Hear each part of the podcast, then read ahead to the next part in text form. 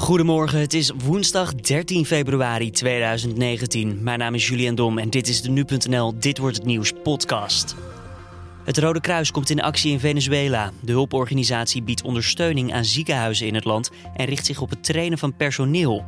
Ondertussen hebben al 3 miljoen inwoners het land verlaten en dagelijks voegen zich daar duizenden mensen bij. Die tocht kan best gevaarlijk zijn. Ik heb verschillende mensen gesproken die ook gewoon al hun bezittingen nou, die zijn beroofd.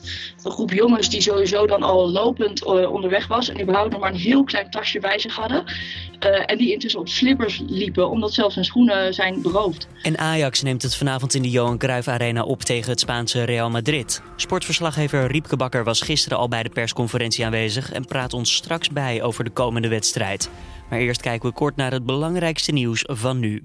Scholieren gaan binnenkort weer actie voeren voor het klimaat. Youth for Climate. De beweging die vorige week al een klimaatmars organiseerde, maakte dat bekend na een gesprek met minister-president Rutte. De scholieren begrijpen dat het kabinet pas besluiten kan maken zodra de klimaatplannen van het concept Klimaatakkoord zijn doorberekend. Tot die tijd ontbreekt het de jongeren in ieder geval nog aan vertrouwen in de politiek. Rutte noemde de ontmoeting, die circa een uur duurde, na afloop een pittig gesprek. Ik was echt onder de indruk van de heftigheid waarmee zij ons voorhouden. Het feit dat in de afgelopen jaren uh, de klimaatdoelen niet gehaald zijn. En hebben ze gewoon gelijk. Dan kan ik wel zeggen, verzachtend, er was ook meer economische groei dan verwacht, et cetera. Maar feit is gewoon, we hebben die doelen niet gehaald. Dat ze dus ook wantrouwend zijn, ga je het nou wel doen.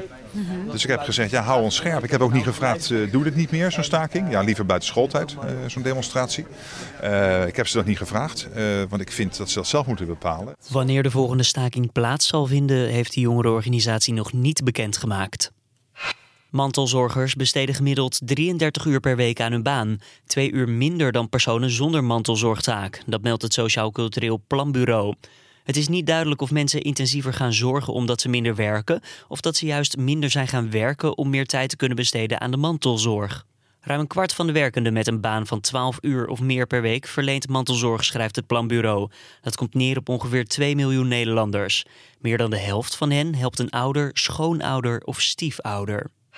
En door een staking van Belgische luchtverkeersleiders is er tot vanavond 10 uur grotendeels geen vliegverkeer mogelijk in het land. De staking kan voor vertragingen zorgen bij Schiphol. Alle vluchten van en naar België gaan sowieso niet door. Maar vluchten die op een hoogte van 8 kilometer of nog hoger boven het land vliegen, kunnen wel over het land heen. Dat verkeer wordt namelijk door de luchtverkeersleiders van Eurocontrol geleid.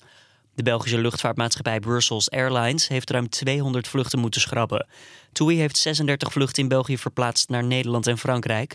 Passagiers worden met bussen van en naar de andere luchthavens gebracht. En dan gaan we naar ons uitgebreide nieuwsverhalen van deze dag.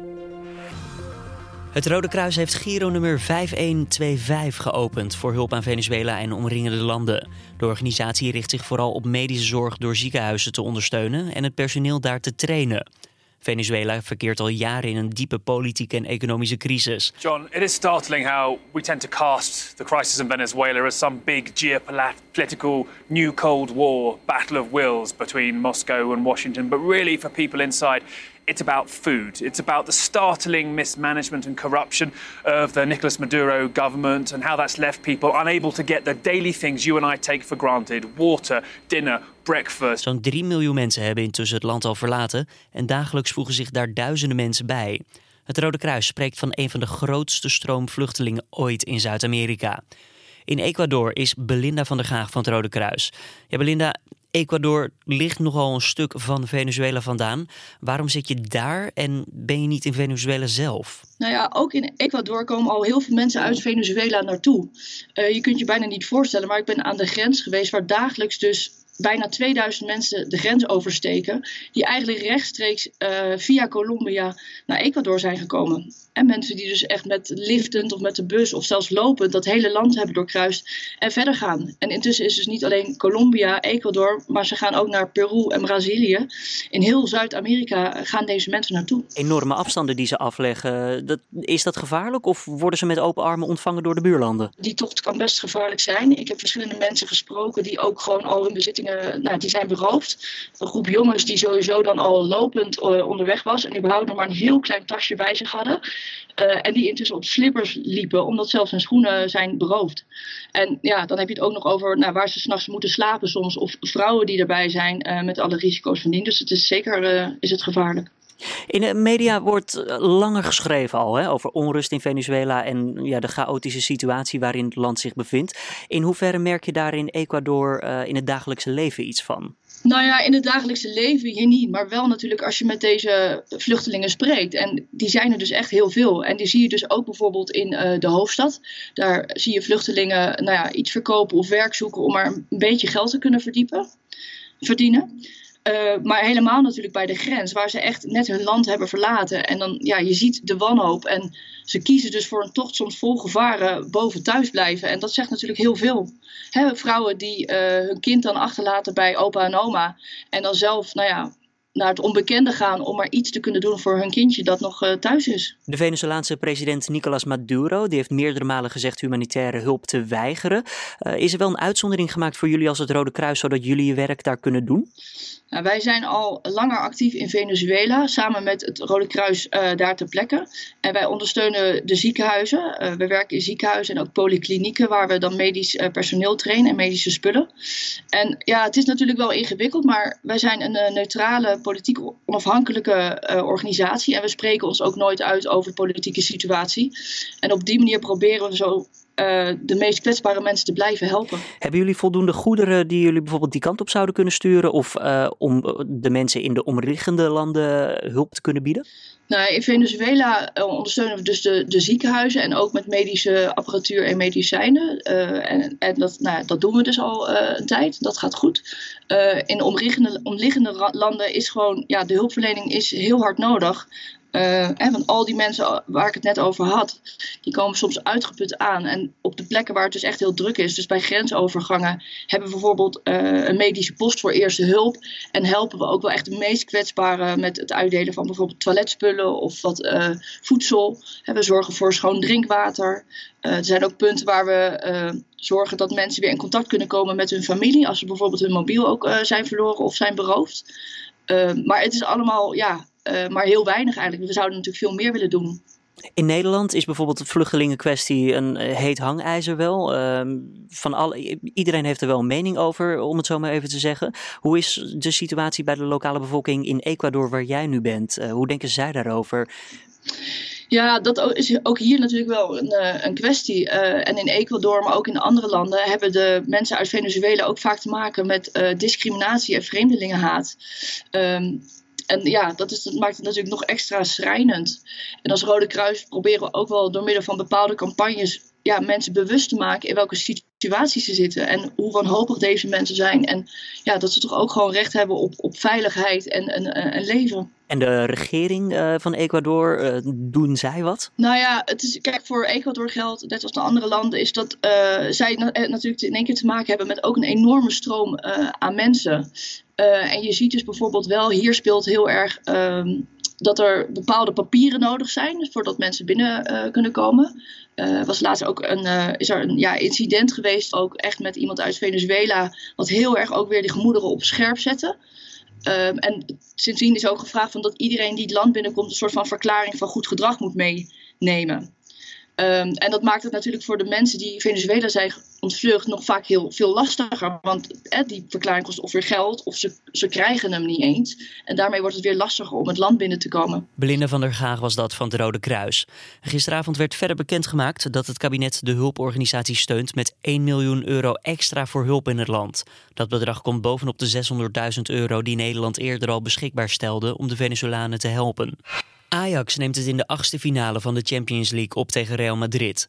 Ajax dat afgelopen weekend in de eredivisie nog verloor van Heracles... moet zich van zijn beste kant laten zien. Nu.nl sportverslaggever Riepke Bakker was gisteren bij de persconferentie... in de Johan Cruijff Arena. We konden even contact met hem opnemen. Ja, Riepke, voor de winter stoppen Ajax volledig in vorm... en Real Madrid was zoekende. Het lijkt inmiddels totaal omgedraaid. Ja, het is, uh, het is bizar. Het was in december, toen was de loting...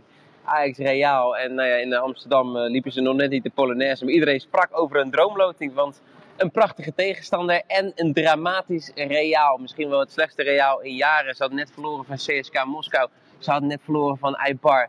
En nu uh, ja, uh, acht wedstrijden op rij is Real inmiddels ongeslagen. En Ajax dat heeft verloren van Feyenoord en dat heeft verloren van Heracles. En dat is zoekende. Ja, en dan krijgt Ten Hag in de persconferentie een vraag over de vorm van Ajax. En dan zegt hij dat er geen vorm bestaat. Wat maak je daaruit op? Nou ja, goed, wat hij eigenlijk bedoelt is, tenminste wil zeggen dat het heel snel kan veranderen. Nou ja, Ajax heeft uh, de ondergrens bereikt, kun je wel zeggen, afgelopen zaterdag. Tegen Heracles was het 1-0 uh, verloren, maar dat niet alleen. Het was uh, los zand, ze creëerden helemaal niks. Laten we zeggen, dat was het slechtste Ajax dat we dit seizoen hebben gezien. Uh, het beste Ajax wat we dit seizoen hebben gezien was in de Champions League. En dat was als er een vergelijkbare tegenstander was als Real Madrid. Namelijk Bayern München. Thuis 3-3, uit 1-1. Fantastisch gespeeld. En Ten Hag hoopt eigenlijk dat Ajax het razendsnel kan omkeren. En ja, die piek kan halen zoals ze dat tegen Bayern deden. Want dat zou moeten tegen dit Real Madrid. Je zou kunnen zeggen van, nou, de winterstop zat ertussen, daar lag het aan. Maar het was ook de verkoop van Frenkie de Jong. Wat was het volgens jou? Nou ja, het, het, heeft misschien wel iets veranderd, die, die verkoop van Frenkie de Jong. 75 miljoen naar Barcelona. Nou, het is geen geheim dat er bij Ajax meer spelers willen vertrekken. En je kan ook gerust zeggen, gaan vertrekken. De licht uh, gaat weg. Ziyech wil weg, gaat weg. Doelman André Onana wil weg, gaat weg. Ja, ze gunnen hem allemaal die transfer, maar ik kan wel zeggen, het, het, zorgt wel voor een extra laagje in zo'n zo'n spelersgroep. Uh, dat iedereen misschien ook al iets meer voor zichzelf gaat voetballen. Uh, en dat zag je de afgelopen keren misgaan. En daarom is zo'n wedstrijd tegen Real ook belangrijk. Want ja, als ze goed spelen tegen Real, dan is die club in, uh, uit Engeland of die club uit Italië misschien wel bereid om net even 10 miljoen meer nog te bieden. En stel dat Onana tegen Real zo'n fout maakt als hij deed tegen Heracles, dan uh, gaat er wellicht een streep door zijn naam in, in Rome of in München of in Londen of waar dan ook. Ja. Zijn dat dan ook meteen eigenlijk de kansen voor Ajax? Omdat ze dus tegen een sterke tegenstander spelen, gaat het waarschijnlijk lukken? Nou ja, je zou kunnen zeggen dat uh, ja, de spelers waar je misschien wel eens vermoeden dat bij Heracles nou ja, niet iedereen al te goed zijn best deed. Of in ieder geval het liep voor geen kant. Uh, er zal in de arena vanavond een gebrand Ajax staan. Er zal een, een Ajax staan wat absoluut wil winnen. en wat ook beseft dat ze nou ja, het niet alleen kunnen. dat ze elkaar nodig hebben. En Ajax heeft, zo hebben we eerder het seizoen gezien fantastische voetballers. Frenkie de Jong, hij is fitter, hij lijkt het gewoon te gaan halen. Tagliafico, De Licht. En als die pieken, ja, dan kan het tegen Real Madrid. Alleen, ja, door alle omstandigheden van de afgelopen weken is het er nu ook weer een beetje zo dat je denkt, oh jee, als het maar geen afstraffing wordt, dat zou ook nog kunnen. Heel even kort, hè? Vijf, spelers, vijf spelers staan er volgens mij op scherp voor Ajax. Heeft dat nog invloed op de opstelling voor trainer Ten Hag? Nee, nee, nee, want uh, kijk, ik kan je je kan schuin nog kijken naar die return over een paar weken. Maar dit is uh, te belangrijk. Je hoeft niemand te sparen. Ik bedoel, Ajax, uh, als ze doorkomen, is dat fantastisch. Je, hoeft ook niet te denken: oh jee, straks missen we iemand door een schorsing in de kwartfinale. Nee, het moet gewoon nu gebeuren vanavond. Uh, Ten Hag gaat gewoon zijn sterkste opstelling spelen. Nou opstellen, nou we hebben het al gezegd. Frenkie de Jong is fit. Ik verwacht dat hij met Tadic in de spit gaat spelen. Hè? De variant die we eerder hebben gezien in de Champions League bij Benfica en tegen Bayern München. En dan geen Dolberg of Huntelaar. En wellicht weer eens een keertje aan het werk Neres. De man die uh, heel weinig aan spelen toekomt. Maar als hij erin komt, altijd wel wat leuks laat zien. Ik verwacht ook wel dat hij gaat voetballen. Nu.nl sportverslaggever Riepke Bakker, dankjewel. Ajax tegen Real Madrid begint vanavond om 9 uur in de Johan Cruijff Arena in Amsterdam. Een live blog van de wedstrijd is uiteraard te volgen via Nu.nl. En dan het weer voor deze woensdag. De zon laat zich het meest zien in het zuiden van het land. In het noorden is de bewolking dikker en komt de zon daar moeilijk er doorheen. Het blijft droog en de temperatuur is zacht. Het wordt zo'n 8 tot 10 graden. En dan nog even positief dierennieuws. Er is namelijk een zeer zeldzame zwarte luipaard vorig jaar in Kenia gezien. Het gaat om de eerste bevestigde waarneming in ruim 100 jaar tijd. Overdag is de huid van het dier bijna volledig zwart, maar s'nachts zijn er echter ook andere kleuren plotseling zichtbaar bij de luipaard. Dat komt door de aandoening melanisme. Dat wordt gezien als het tegenovergestelde van albinisme. De vorige bevestigde waarneming vond plaats in 1909 in Ethiopië. Veel ongeverifieerde meldingen zijn er tussen al die jaren niet geweest. Het gaat slechts om vier stuks, waarover dus geen zekerheid bestaat of het daadwerkelijk ging om een zwarte luipaard. Nou, dit was dan weer de Dit Wordt Het Nieuws podcast van deze woensdag 13 februari 2019. Zoals altijd is de podcast ochtends om 6 uur te vinden op de voorpagina van nu.nl. Wat vond je van de uitzending? Laat het weten via podcast.nu.nl of laat een reactie achter in een van je eigen favoriete podcast apps. Mijn naam is Julian Dom en alvast een hele goede woensdag gewenst.